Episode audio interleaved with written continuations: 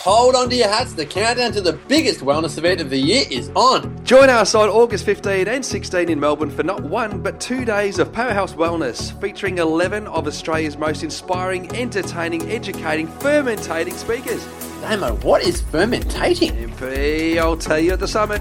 Your favourite wellness couch speakers are joined by special guest Nat Kringoudis on all things hormones and female health. Join the Up for a Chat girls, the wellness guys, the natural nutritionist Steph Lowe, Kale Brock, Quirky Cookings, Joe Witt, Marcus Pierce, and the rest of your favourite wellness couch podcasters. Regular and VIP tickets are still available, but hurry before this summit is sold out. For tickets, go to www.thewellnesssummit.com. The Wellness Summit is proudly brought to you by Well and You. Be someone that makes you happy.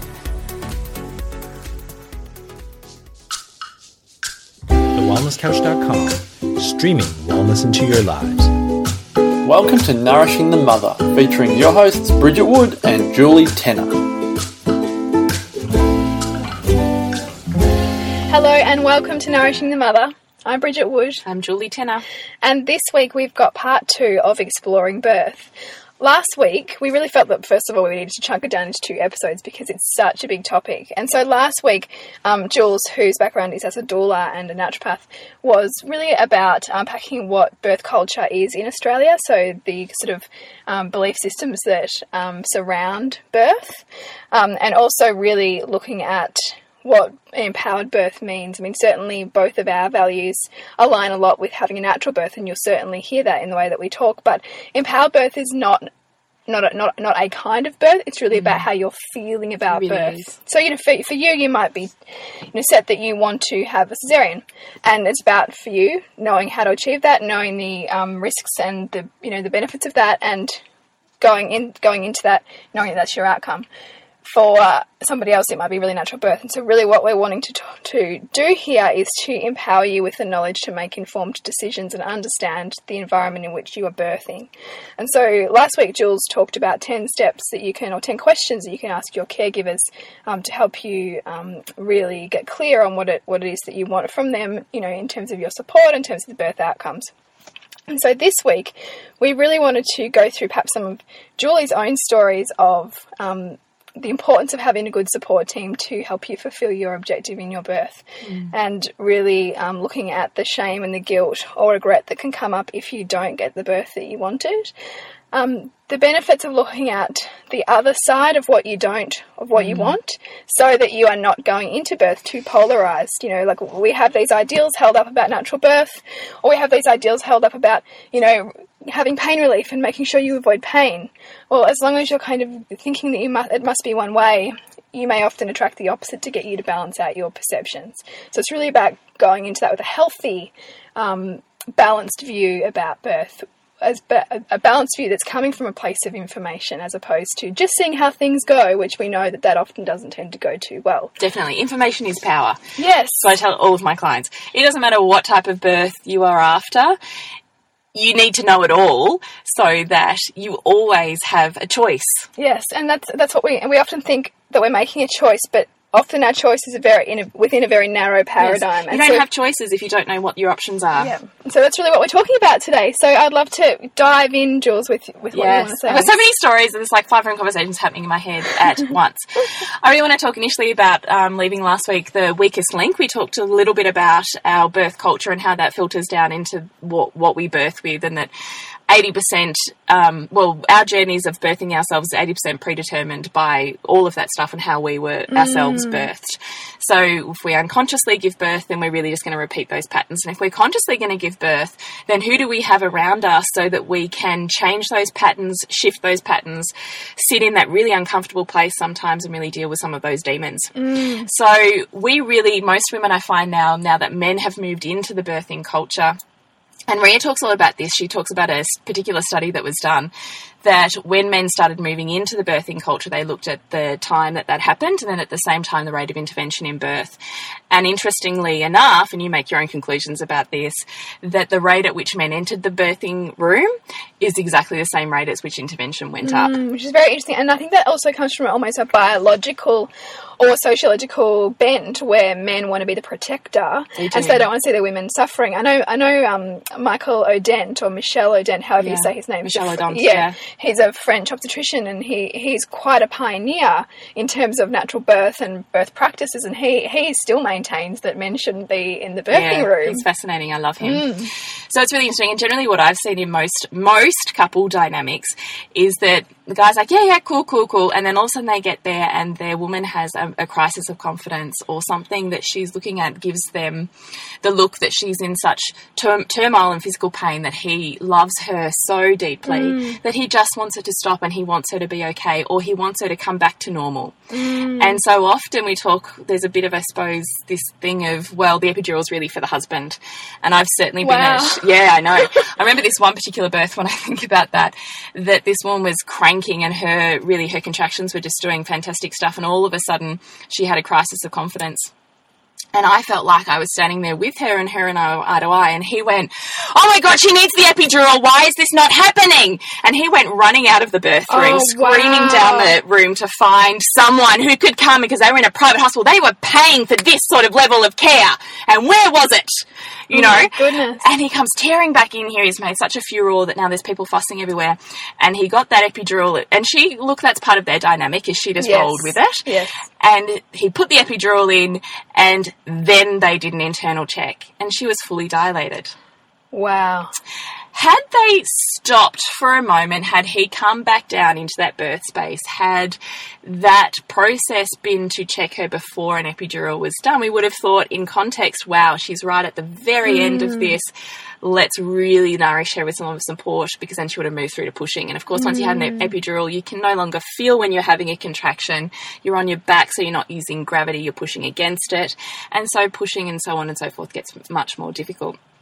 So it's really interesting one to think about who your support system is because most women go, I love this man so much and this is our shared baby and our shared experience and they are just my rock. Mm. And I go, yes, they are, but they know nothing about being a woman. Yes. They know nothing about how your internals work mm. and they know even less about birth and how to deal with you in those circumstances. And depending on mm. what those, I'm going to say dependency dynamics are in that relationship completely changes. Can that woman let herself go enough because normally she's used to looking That after is him? just so. I'm just getting tingles because it's just such a wise way to come at things, isn't it? Because we we so unconsciously go, "Oh, of course my husband's going to be there," you know, and most people will go on to choose that, and I probably still would. But but that's I guess why somebody like a doula or somebody like a private midwife who you've got a very deep connection with is so important because those relationship dynamics, those relationship dynamics will play out. They do. Let me tell you, they do. I have such beautiful insights into couples and relationships in those moments of high stress, really, is what you're mm. walking into.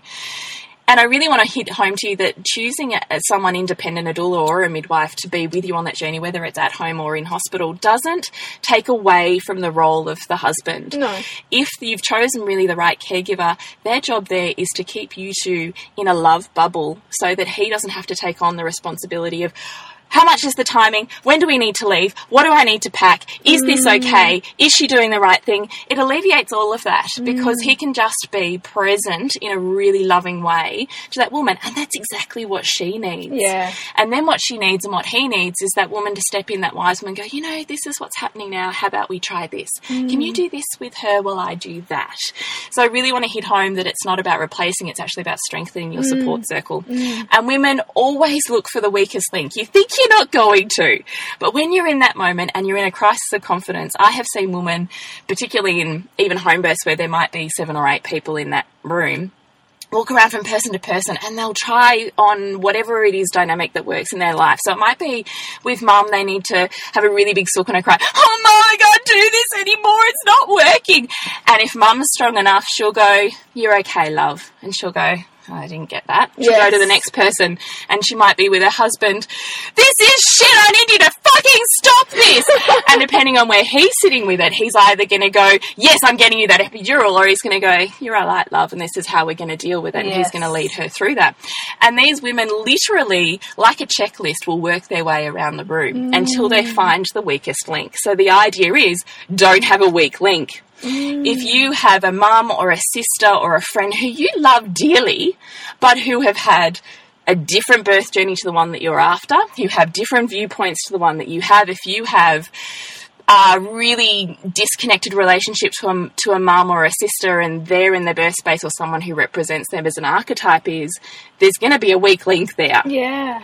So you really want to plan your intimate support circle, the people that really intimately get you through your really hard times in labour really well. You want to plan it really well. You want to have mm. strength, people who believe in your power, who see birth as a process, who want to help you through it. So this and is about really bringing some critical thinking to that unconscious thought of, oh, I guess I'll just have my mum, or I guess I just have, you know, it's about really. Sometimes mum isn't the best person to have because there's too much shit there. And also the mum, you know, the, the mum wants to save you, obviously, often. Depending on how she views birth. Yeah. Yeah. So if she's the mum who isn't comfortable with pain, if she wants to save you, da da da da, it's not going to work. And, you know, she, you. she's got her own fears. Totally. If she's had really traumatic births, Mm. often she'll be triggered straight back into those. And so, even though she's looking at you, she's having the feelings, the emotions attached to her experience, and then playing those out really in your space. Mm. Yes.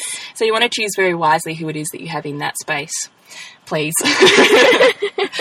um, so, that's really the intimate support circle. So, I want to move on from that. I really want to talk, which I know you have a lot of knowledge on um, shame, guilt, and regret on birth Mm. outcomes, because I certainly have had a lot of women walk through my door who are so blindedly going for the this type of birth Yes. and that anything either side of that is not okay and that is some way a reflection on on who they are so Yeah. you know these women generally are going to be you know the fitness fanatics and they are amazing in their body and they know their bodies and they hardline on their diet and they mm. hardline on They're all about control. yeah, well, Yeah. they have very, very set belief systems on what it needs to be. And they don't see either side of that or the blessings or the gifts of either side in that. And often these are the women that call in those experiences. Yeah, yeah. So, really, I want to hand over to you and see where you're sitting with that because I know you have some real. Yeah, that's wisdom that, that's a powerful one because I think often when we are so one sided about something, we're not seeing the whole picture, and so we will often create the other side in order to get us to love that whole whole thing. Um, and so that can come in the form of you know really, really, really wanting um, drugs, for example, and really you know desiring that intervention, and then your labour happens so quickly that there's no time for it. Yes. You know, and I've seen this happen with friends. I'm like, ah, that's interesting. Yes. Um, and other times when when you're really really wanting a natural birth and you have the fear of the other side, you are polarized to think that a Caesar is going to be disastrous. I'm not going to be able to breastfeed. I'm not going to be able to do all these things that you want so badly, and then you might potentially have you know have that experience because you are resisting that experience so much. And so this isn't about necessarily putting the intention to have that, but it's about balancing your view to see that something that you think is so terrible, like a cesarean, well, what are, what are the benefits of a cesarean? You know, you'll have possibly more support around you. You know, when you take the baby home, you will. Um, I don't know, we'd have to work on some of those because I'm pretty polarized. But, you know, there will obviously be benefits in that birth experience for you and for your baby because perhaps you might need to get in a lactation consult. You might need to resource up pretty quickly to help you um, initiate the things that you want, whether it's breastfeeding, whether it's somebody helping with meals. You know, there will be benefits. And so it's about looking at those so that you are not, so that you, I guess, go in with intention, but are also surrendering to the outcome. And I really want to hit home, like I find this with home birthers in particular, that Mm. they can be so set on, particularly home birth- birthers that have come from a birth trauma in a hospital, Yes. and then have chosen home birth as a way of avoiding the trauma again in the hospital, as opposed to making it a choice based on a, a system of care, I suppose. Um, that they become so um, I don't know, they get the hate on for the hospital that it's anything that's in a hospital is now just Bad. shit. Yeah. That there's always this negative negativity attached to them. And I really want to keep coming back and I always challenge my, the women that I see um, on this is birth whilst we talk about so much of our birth culture influencing the way that women birth, I want to really hit home to you that birth is an internal process. Mm. You are birth, not the place you birth. Yes. So I know this. Oh, look, this was my journey too. But by the time I got to my third baby, I knew, and whilst I had a home birth, I knew in my head, having witnessed so many empowering, beautiful births in a spectrum across all sorts of hospital systems and interventions, that birth can be beautiful and empowering no matter in what form it comes in. It just depends on how that woman has gone about her choices and her information and how she uses her power in that care setting. Mm. So therefore, birth is internal.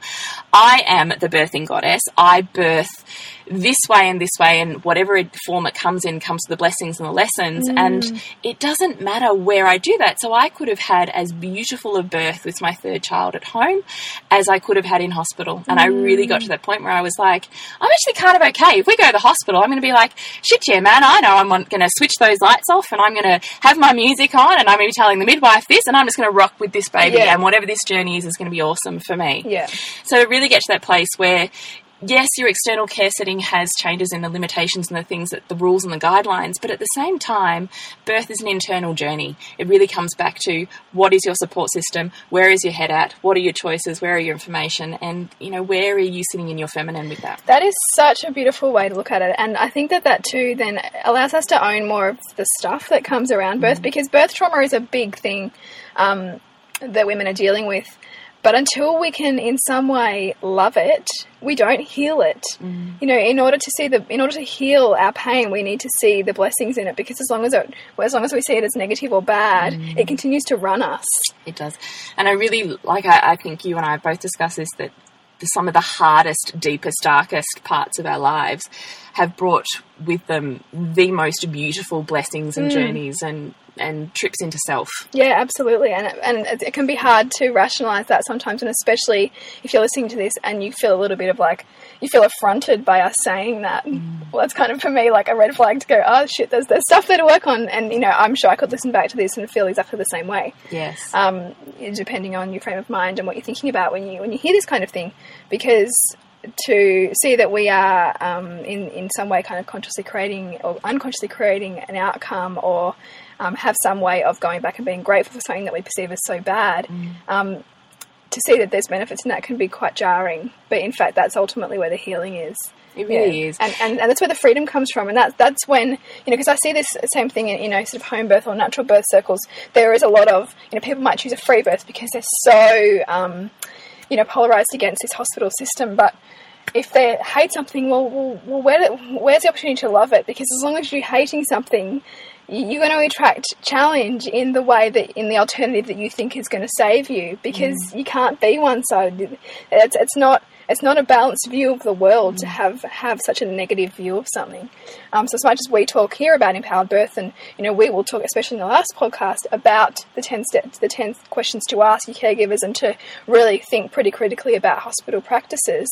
Um, we don't want to get you so revved up and fired up that that's all wrong because it's not wrong. It's just a system, and it's a system that's been designed as a hmm. one size fits all model, hmm. which is beautiful in terms of efficiency and mm, you know, the economy and all those things. But it's whether you hmm. want to apply efficiency and, and the and the economy to your own personal birth. Yes. It's to understand the system in which we're operating, so that you are more empowered to choose a system that feels right for you. That's going to support your choices. Yeah. yeah, absolutely, absolutely. So maybe we'll just touch on birth trauma then, because I certainly I do do birth debriefs, Mm. and certainly particularly if I'm on second or third time mums that I'm birthing with them, we will always debrief their first two births as well, or however many it was. And Rhea Dempsey also does um, birth debriefs, and I'm sure that there's other doulas and Mm. midwives around that would do that as well.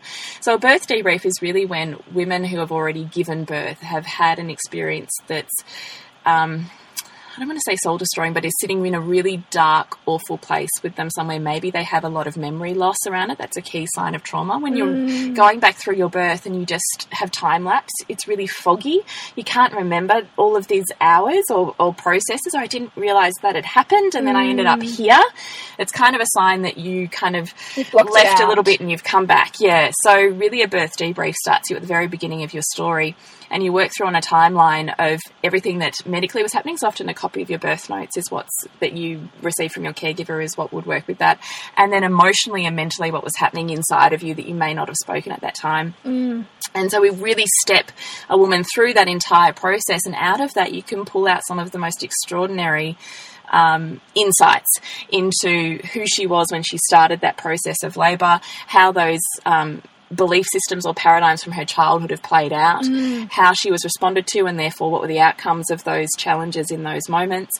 And some of the most precious healing I have ever seen from women has happened in those birth debriefs, where all of a sudden it might be some a statement that I might say like, "My goodness, who taught you to be such a good girl to follow the rules and not, you know, something like that." Yeah. I'm thinking of this one woman who I said that statement to I mean, she just went, "Oh my gosh. And all of a sudden, all this stuff unpiled from her childhood that made perfect sense in how her birth had played out. And then she mm. was able to shift all of these things after that that had happened in her birth. And she went on to have the most extraordinary second birth She's unencumbered by whatever. because she like yes because she mm. was had shone the light of awareness and love Yes. onto these dynamics and onto this process that she no longer viewed as terrible and traumatic and scarring that she viewed as something that created a new soul a new self and a blessing for her in that journey and that is the purpose of a birth debrief to let go of the shit that you're holding on to so that you can create a new wonderful experience moving forward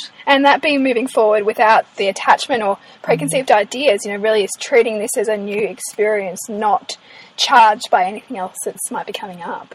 Yes That's such an absolutely. empower, and, that, and that's really what empowered birth is, isn't it? It's coming at it from it with a, with a clean slate in a way, with without Yeah, that is. stuff. without the charge there. And I really want to say some of the most beautiful births I've seen have been births with intervention. So I have seen women move through natural births to the point of just absolutely um, feeling so completely strung out they've got nothing left to give and have an epidural. An epidural is normally natural birth would be going, well, you don't want to do that because as soon as you can't move and you can't feel and you can't da da da da, all these hormones stop working and your body stops working and your baby's pushing against gravity and all these negative things. But I have seen sometimes for those women in those moments when they surrender to that choice mm. and they have an epidural and all of a sudden they can sleep for 10 minutes or they can sleep between a contraction and that baby just instantly shifts or turns. I have seen some of the most. I have been thinking of this beautiful birth that I had with a baby whose intestines were growing on the outside. So she knew that she was never going to get to touch her baby, that it was going to be whisked away, and she wanted the gift of a beautiful, gentle birth for this child so that he could be straight into surgery and have the best possible start Yeah, yeah. and um, she had an epidural and oh my god i could nearly cry when i think about it. It was the most beautiful centered birth i have ever seen that were she really wrestling with contractions and pushing could not have been as present as she was. Mm. Because she was so present in every process and I really want to say for women that have an epidural, it's very easy to all of a sudden dad sits in the corner and starts flicking through the sports page, and mum's having a, ma- a manicure or chatting about the weather outside. And you've got to remember your body's still birthing. Yes. So it's very easy once you've been removed from that birthing process and those hormones are no longer clouding your um, conscious brain and taking you into the subconscious, easy just to sit back into that. And I really encourage my clients to then, once they have an epidural, we then sit and we're refocused on birth and we're doing visualizations and we're doing meditations and we're doing mantras. And we're mm. constantly still holding the birth space because her mm. body is still working, Working. really hard, even though she can't feel And, it. and that's right. And those in, those mantras, those intentions, those visualizations are still having an a effect. physiological they effect. Mm. really seriously do. And so the women that I find that have had that experience and then they they doing that, their bodies just work beautifully, and all of a sudden, lots of fears and things that are really holding tight and holding their body tight can Mm. just relax that pelvis to the point where the baby can then turn where it hadn't been able to turn for the last thirty hours or whatever Mm. it was. And so back on this birth. Um, so we were doing all of that stuff, and she was so present with her baby. She was constantly visualizing this baby surrounded by golden light. She was talking to it all the time. She had a when it came time to pushing, she was squealed with delight, and she had a mirror there, and she was just loving every moment with such gratitude. Look at that hair. She's touching the baby's head and she's watching this baby slide out of her body and she is so preciously holding this baby's space. I want to say cry when I think about it. I'm tearing up Oh, right here. but this baby just slid out and you know, I mean, was whisked away instantly, and all of this medical stuff happened. But she was already a mother. You know, she was so present that had she been completely, totally, rigidly holding on and wrestling those fierce contractions and whatever, mm. generally I find women can be really hard to then also, particularly for first time mums, stay present to their baby in that process because their body's calling on them so much. And perhaps, you know, the, the beauty in that, you know, might even be that she knew that her baby was going to be really challenged. And so that that called her to be so present and to give that Oh baby gosh. every ounce of strength that she had, you know, spiritually, emotionally, physiologically. Like, that's a beautiful. isn't it? It was heaven. I can think of others, like even in terms of an episiotomy, um, I absolutely loathe seeing them. I, I, anyway, and I remember this one woman was beautiful, and she had just we had worked so hard, and she had got through. um, I don't know, th- three days of pre-labor and then this 20 hour, you know, intense labor because her baby wasn't quite sitting in the right position. So labor was on and off and on and off and a bit posterior and all this sort of stuff happening. And she got to the end and she was up to pushing and she was wrecked. And she was pushing and pushing and pushing and she's like, I can't fucking do this. I'm like, you can. What are you holding on to? You know, why is it that that body didn't want to just release that baby Yeah, out? What were yeah. the fears that she was holding on to? Yeah. And she looked at me and she goes, I don't fucking care, Julie. Give it to me like this. And so she called in this obstetrician. And so this obstetrician came in and normally they do an injection to, to numb the area and instantly this is a cut. And this um, obstetrician came in and she said, oh, there's no way that muscles, that muscle band is so spasmed and so thick. There's no way that baby's coming out. So she goes with the injection, and I kid you not, she did the injection. She turned her back to grab the scissors, and that baby's flown out. Wow. It was amazing. and she went, What? that couldn't happen. You know, and it was just it, was almost for that woman was that last surrender. Yeah. And almost, I feel like on some level, it was that belief system that someone was doing it for her. Yeah. And it just was enough of a shift for her to surrender to that intervention she thought she was never going to have. Mm. And all of a sudden, it just disappeared. That muscle band that was so tense and was never going to, you know, like I just have so many stories of the wondrousness of women's emotional but, uh, state. but that that's that's our innate intelligence. Like the body has this innate Yes. intelligence, and I, that those kinds of stories that that kind of challenge whatever you know kind of set of research that says X Y Z. You know, th- there's those stories abound. You know, in terms of the, our own power. You know, to Yes. affect that kind of you know result. Yes, I've seen amazing things. So I really, um, I can't remember how we got onto that. How did we get onto that? I can't even remember. I just love talking about this. I could go forever. I can't remember. Was it birth trauma facing our fears? well, I don't even know if we've got to facing your fears. I'm pretty sure it came out of birth trauma. Birth trauma. I can't even think where I was going. What I want to say, oh, empowered birth. That's what I was saying. So empowered birth is a total spectrum. And all of those mm. women walked out of those births and they weren't, they were in hospitals, they weren't intervention free, they weren't totally natural, but those women knew all of their choices and all of their options and they were ready with their partners to just rock on to the next thing whenever, and if something happened, the other really important thing to do actually is when a care team come walks in and goes, Well, look, we really need to start discussing this thing because it's no longer working. We may need to do these things. I always say to my clients, Dad's job is to ask all of the questions. Okay, what are we doing? Why are we doing it? What happens if we do do it? What happens if we don't do it? What are the outcomes? How long do we have? These his job is the fact finding because mum's still in labour land. Mm. And then he goes, Thanks very much. Can you guys just leave us all alone for five minutes so that we can come down and have a chat about it? Don't ever make a decision when you're in the stressful moment of moving forward into intervention because that is when I mm. see a lot of trauma happened. Women didn't have time to Process it. process it, they didn't have time to think about it, they didn't have time to feel it, they didn't mm. have time to check in with their intuition.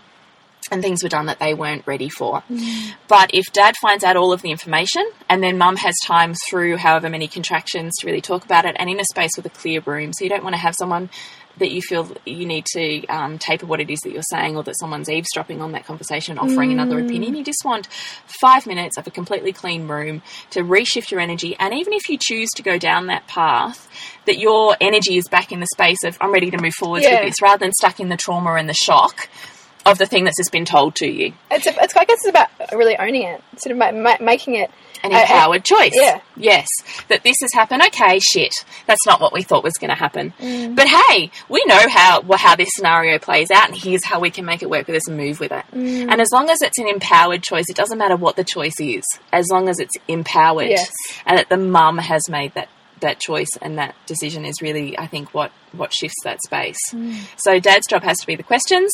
Mum job has to be to tune into her intuition and to come back down from the stress before she's ready to make that decision. Mm, mm. which is which are all I think probably big things to ask of yourself, I suppose, in a moment like that. But that that's I guess comes back to that support and to that you It's know network that you've built Yeah. around you to help you Yes. make those decisions. And are there any alternatives? And if you've got another caregiver like a doula or an independent midwife, they might have suggestions for alternatives. They may may not be able to say in the presence of a hospital because we're certainly not allowed to give medical advice in a hospital setting. But when the room is clear, it might be something you can check in with them about. Um, I feel like I had something else then. I don't know. We'll come back to it. Um, so facing our birth fears. So I really want to, you know, flip back to this that these women you know have these really polarized viewpoints of natural birth. How do we even those out? And really, it's that in seeing whatever happens, whatever that journey is, is actually still perfect because the more surrender, and often the more things that happen that you don't want, the more that you're required on to surrender. And often it's the women that really um, need to feel good in in control that their births don't go as planned because they require more and more levels of surrender. More surrender, more mm. surrender. It's, it's the hardest thing in the world to do to let go of your mind and let go of your body and flow with it and let go of a system and a belief system mm. and outside fears and influences and move through all of that. That's surrender. Surrender is incredibly difficult to mm. do. So it's really good to get balanced on whichever way this goes. I'm okay because I know all my choices, I know all my options, and so does my support team. That's a really powerful position to be in. And that, that, I mean, I still think, gosh, even for my next birth, when that happens, there's still so much work to do on that, you know, because it really is constant work, isn't it? To really, because there'll be fears coming up all the time, you know. Time. We, we, we, we live, we live, uh, we are a lived experience. And so we are living with what we've read, what the, what the stories that our friends have told us, our mother's experience, our past experience. And there, we're going to be invited to feel challenged by those all the time on the journey of, of pregnancy. You know, you've got nearly 40 weeks to kind of really be, be feel, feel confronted by a lot of fears, a lot of anxieties. And so, um, comes back to that support network, comes back to really intentionally building a team around you to help you Absolutely. explore and heal those things so that you're not confronted with them in the labour room. That's exactly right. I think the more work you can do in your labour, the less work uh, in, In your pregnancy. pregnancy. the less work you'll have to do in your labour. Absolutely, without a doubt. And also just walking into it, going I'm really excited. Like I walked into my births being really excited to see what the depth and the strength was that I had within me, and where I was going to go, and how that would all play out. And I was really even in my first birth, I was naive about a lot of stuff. I had an independent midwife. And my husband still says, "Oh my god, best money we ever spent," because he just got to be with me on a really mm. emotional level and do what he does best. The other stuff wasn't his area, and so he could really just hand that over and just really rock with me, feed me, give me drinks, Yeah. and just love me up, rub my back when I needed it. And he had someone else there to really support that journey, to drive the car to the mm. hospital, to do all of that stuff, which was beautiful for him. But I remember being really excited and challenged. This challenge, you know, like women that run a marathon and they just want to challenge their bodies, or women that want to challenge their brains in different way. They pick mm. these. We're constantly picking these challenges so that we can live up to them and, and grow to our next level of being, whatever that is, and whatever form that comes in. For many women, it comes in something different. And that was always for me what birth was this calling in this moment to really see what you were made of. Yeah. And to even uh, see what came up and know that almost be excited about that level of therapy because I had people around me that could work through that journey and, and kind of dig that gold out, I suppose is how I looked at it. Um, and then by the time I came to having my second baby, we had a home birth. So I'd had a um, stayed at home till I was about seven centimeters, I think, with my first baby, and then we'd moved to a birth centre to uh, give birth to him. And in the end, I gave birth birth to him like 45 minutes after being on this bloody hospital bed, and I thought, what the hell was the point in this? and so my second birth, I thought, yeah, I really do want to have a home birth. I want to stay at home and be at home and really just love in this really loved up, nourished space. And so I had two independent midwives for my second birth. And that was beautiful. I just remember giggling and laughing and having just the best old time, and the midwives just chilling out on the couch going, It's ridiculous. She's having too much of a good time. and I just loved, I loved the, I really want to transform women's perception of um, pain in labour. I think first time you really have to get real about it Mm. because it's the first time your body's done it, it's the first time it's stretched, it's the first time it's done any of that stuff, and it's really intense, and you have to be really intentional in Yeah. how you set that up. But subsequent births, I think orgasmic birth, or that concept of it, is entirely possible. Mm. Not for first time mums. You have to be way more conscious with your first in terms of pain dynamics. yeah. But for second and subsequent pregnancies, I think it's completely possible. Mm. And I think it's something we don't talk about enough because I certainly have had three of the most beautiful, life defining births like if I could pick three of the best days of my life, that would be the three days I've given birth. I loved them. I loved the feeling of being so emotionally, physically, and spiritually open. And each contraction felt like instead of a contraction we think about this pain, this oh, and this feeling of this woman on this bed, I had this incredible spiritual awakening. I would kind of feel like I could be elevated to these levels of meditation, if you like, or spiritual connection that I never had access to in any of the meditations I've ever done in my whole life. It was this mm. real thin veil between the worlds, I suppose. I had this opportunity to kind of soar there in between and then come back into my body and soar there and then come back into my body. And each time I came back into my body, I got to be loved up by my husband. What could possibly be better than that? Soar to some spiritual levels, come back for some love. Like just, it was heaven. And, um, the night I gave birth to my second daughter, it was a balmy summer night. The next one over was playing blues on his guitar. Like it oh, was just, it was heaven. Yeah. It was heaven. And then, you know, I was just having too much of a good time. I think it went on too long. And it was only in the last, I was really not getting anywhere. I was having too much of a good time, I think. And my Do you think you're a little bit elated? Maybe.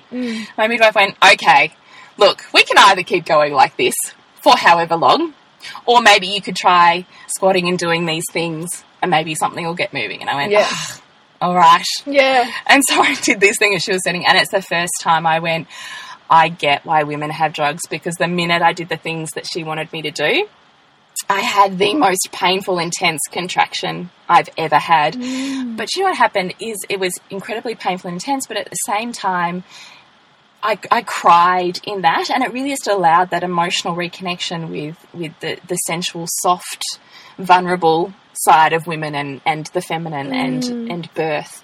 And my support circle went from being kind of around me and laughing, giggling, to being very physically close to me and very in my space Yes. and very holding me and rocking my body and soothing me with words. Mm. It's a very you know, and often the closer a woman gets to giving birth, that with unconsciously, the closer those support people get to her physical space, almost like they mm. realise unconsciously what she needs to be held in that space. Mm. And half an hour later, I had a beautiful baby, and what I thought, you know, would be in the bath or in the shower or whatever, I'd, you know, had a couple of these enormous contractions and just gone, fuck the carpet, I don't care. I'm just, you know, I mean, I remember my midwife going, baby's nearly here. yeah, okay. And so I had this beautiful baby on on our bedroom floor, which wasn't planned but was heaven. And I had our 18 month old son with us for that as well. So I would love to do even another podcast on baby or, Yeah, or chi- yeah. raising children in, in terms of body consciousness, vaginas, and birth. I, I find that's an incredibly um, difficult subject for a lot of people. And then my third birth, I'd gone through a um, missed miscarriage previous to that birth. So I had had a huge amount of fears, and, I I, and you have had the same experience as Mm. well. So I think it would be really worthwhile spending a podcast on holding on to those feelings of your body being a tomb and Yes. not serving you, and how you move through those fears and what they play out Mm, as. So third pregnancy was incredibly um, big journey for me, as was the birth, because I was still had these. I kept working through these layers of fear of death, but they kept coming up. And so even in the birth, I was so sure that this wasn't it. It couldn't possibly be it because I was just feeling Too so good. good. I was feeling so good. And I had this birth plan down to a T. I had a support person for each of my kids. I had my doula, I had my midwife, I had my second midwife, I had the support person who was going to give me homeopath. Like I had the best team you could possibly have. And in the end, I gave birth with just my husband and my kids, and we just come back from a walk, and I had gave birth in freaking ten minutes from when we walked up the street, and my waters broke at the end of the street in this cataclysmic style. Hollywood gush, which I'd never had previously. And so I'm on bloody corner of the street with the dog on the lead and the kids, and I've decided I can't move or walk. And eventually we get back home, and I gave birth to my baby um, in a space where I had none of that stuff. So I, I had planned this perfect birth, and in the end, almost got the exact opposite of that because I had no one around, and in the end, had a free birth.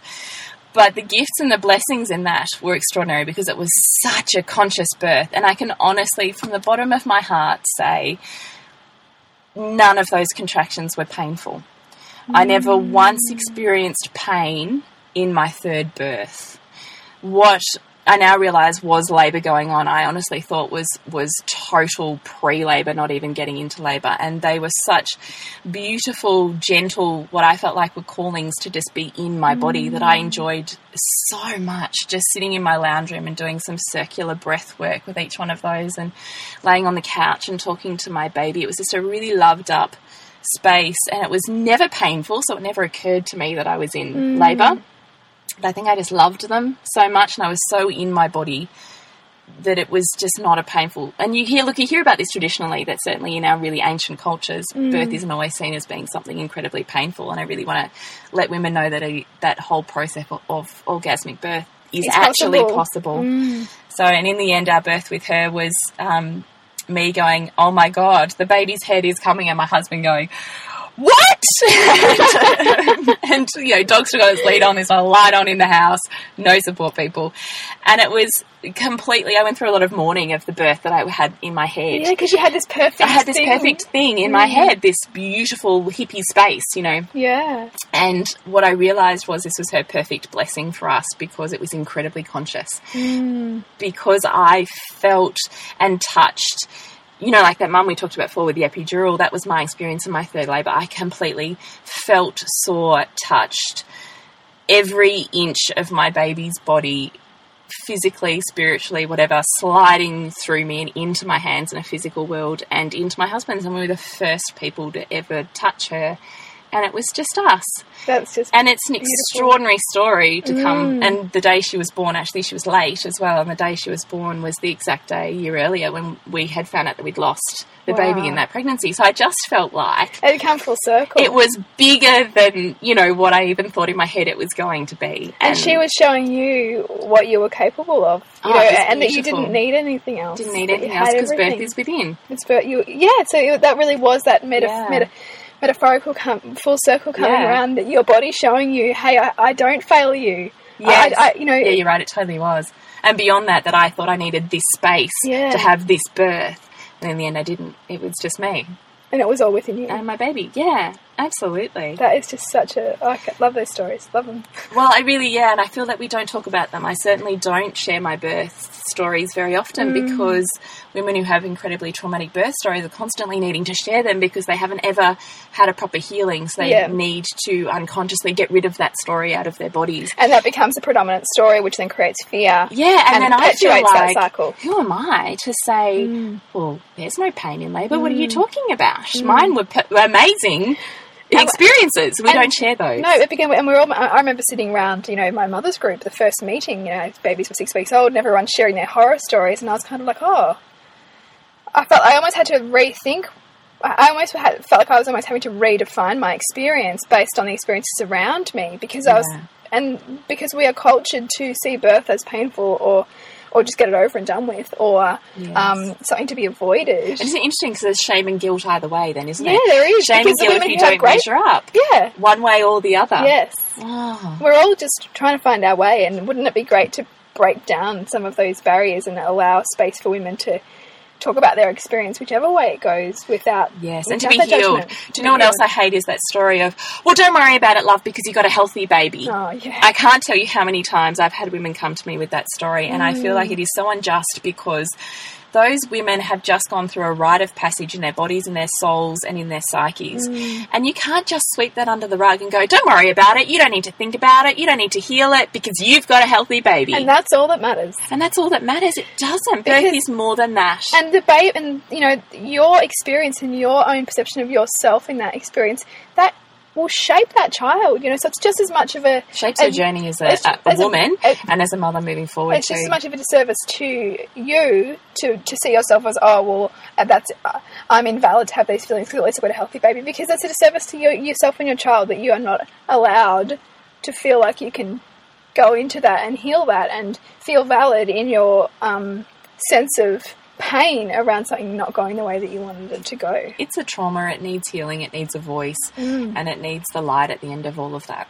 And I think we focus on far too much on that outcome and not about the you know Yes. and there's birth is always the journey. It's Mm. often not even the outcome. No, because the outcome is just one piece of it, isn't Yeah. it? It's it's it's, it's all those. It's a, it's a sum of multiple parts. Mm. I think we're probably going to have to wrap it up there. I And I know. we've gone over, but it was just, I think that there's so much to this topic. We will have to look at um, pregnancy after miscarriage and Mm, I how really that goes because I think that, I know for myself, it was a, you know, collection of pretty terrified um, Mm. few weeks until I felt like I'd got past that, that previous, Mm. you know, point in time. A miscarriage in general, because I think largely women don't have a voice in that. Mm. Yeah, and I think you only realise how common it is when, when you yourself have experienced it and everyone else comes out of the woodwork. Yes, it's exactly right.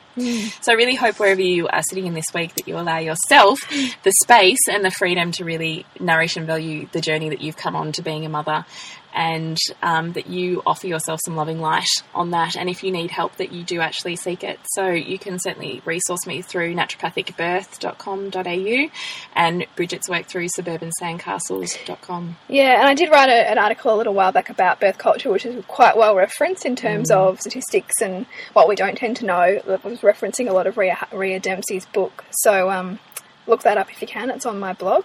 Um, and certainly, please share your thoughts on our Facebook page. And if you, um, you know, if you feel willing to share your story, we'd love to hear it too.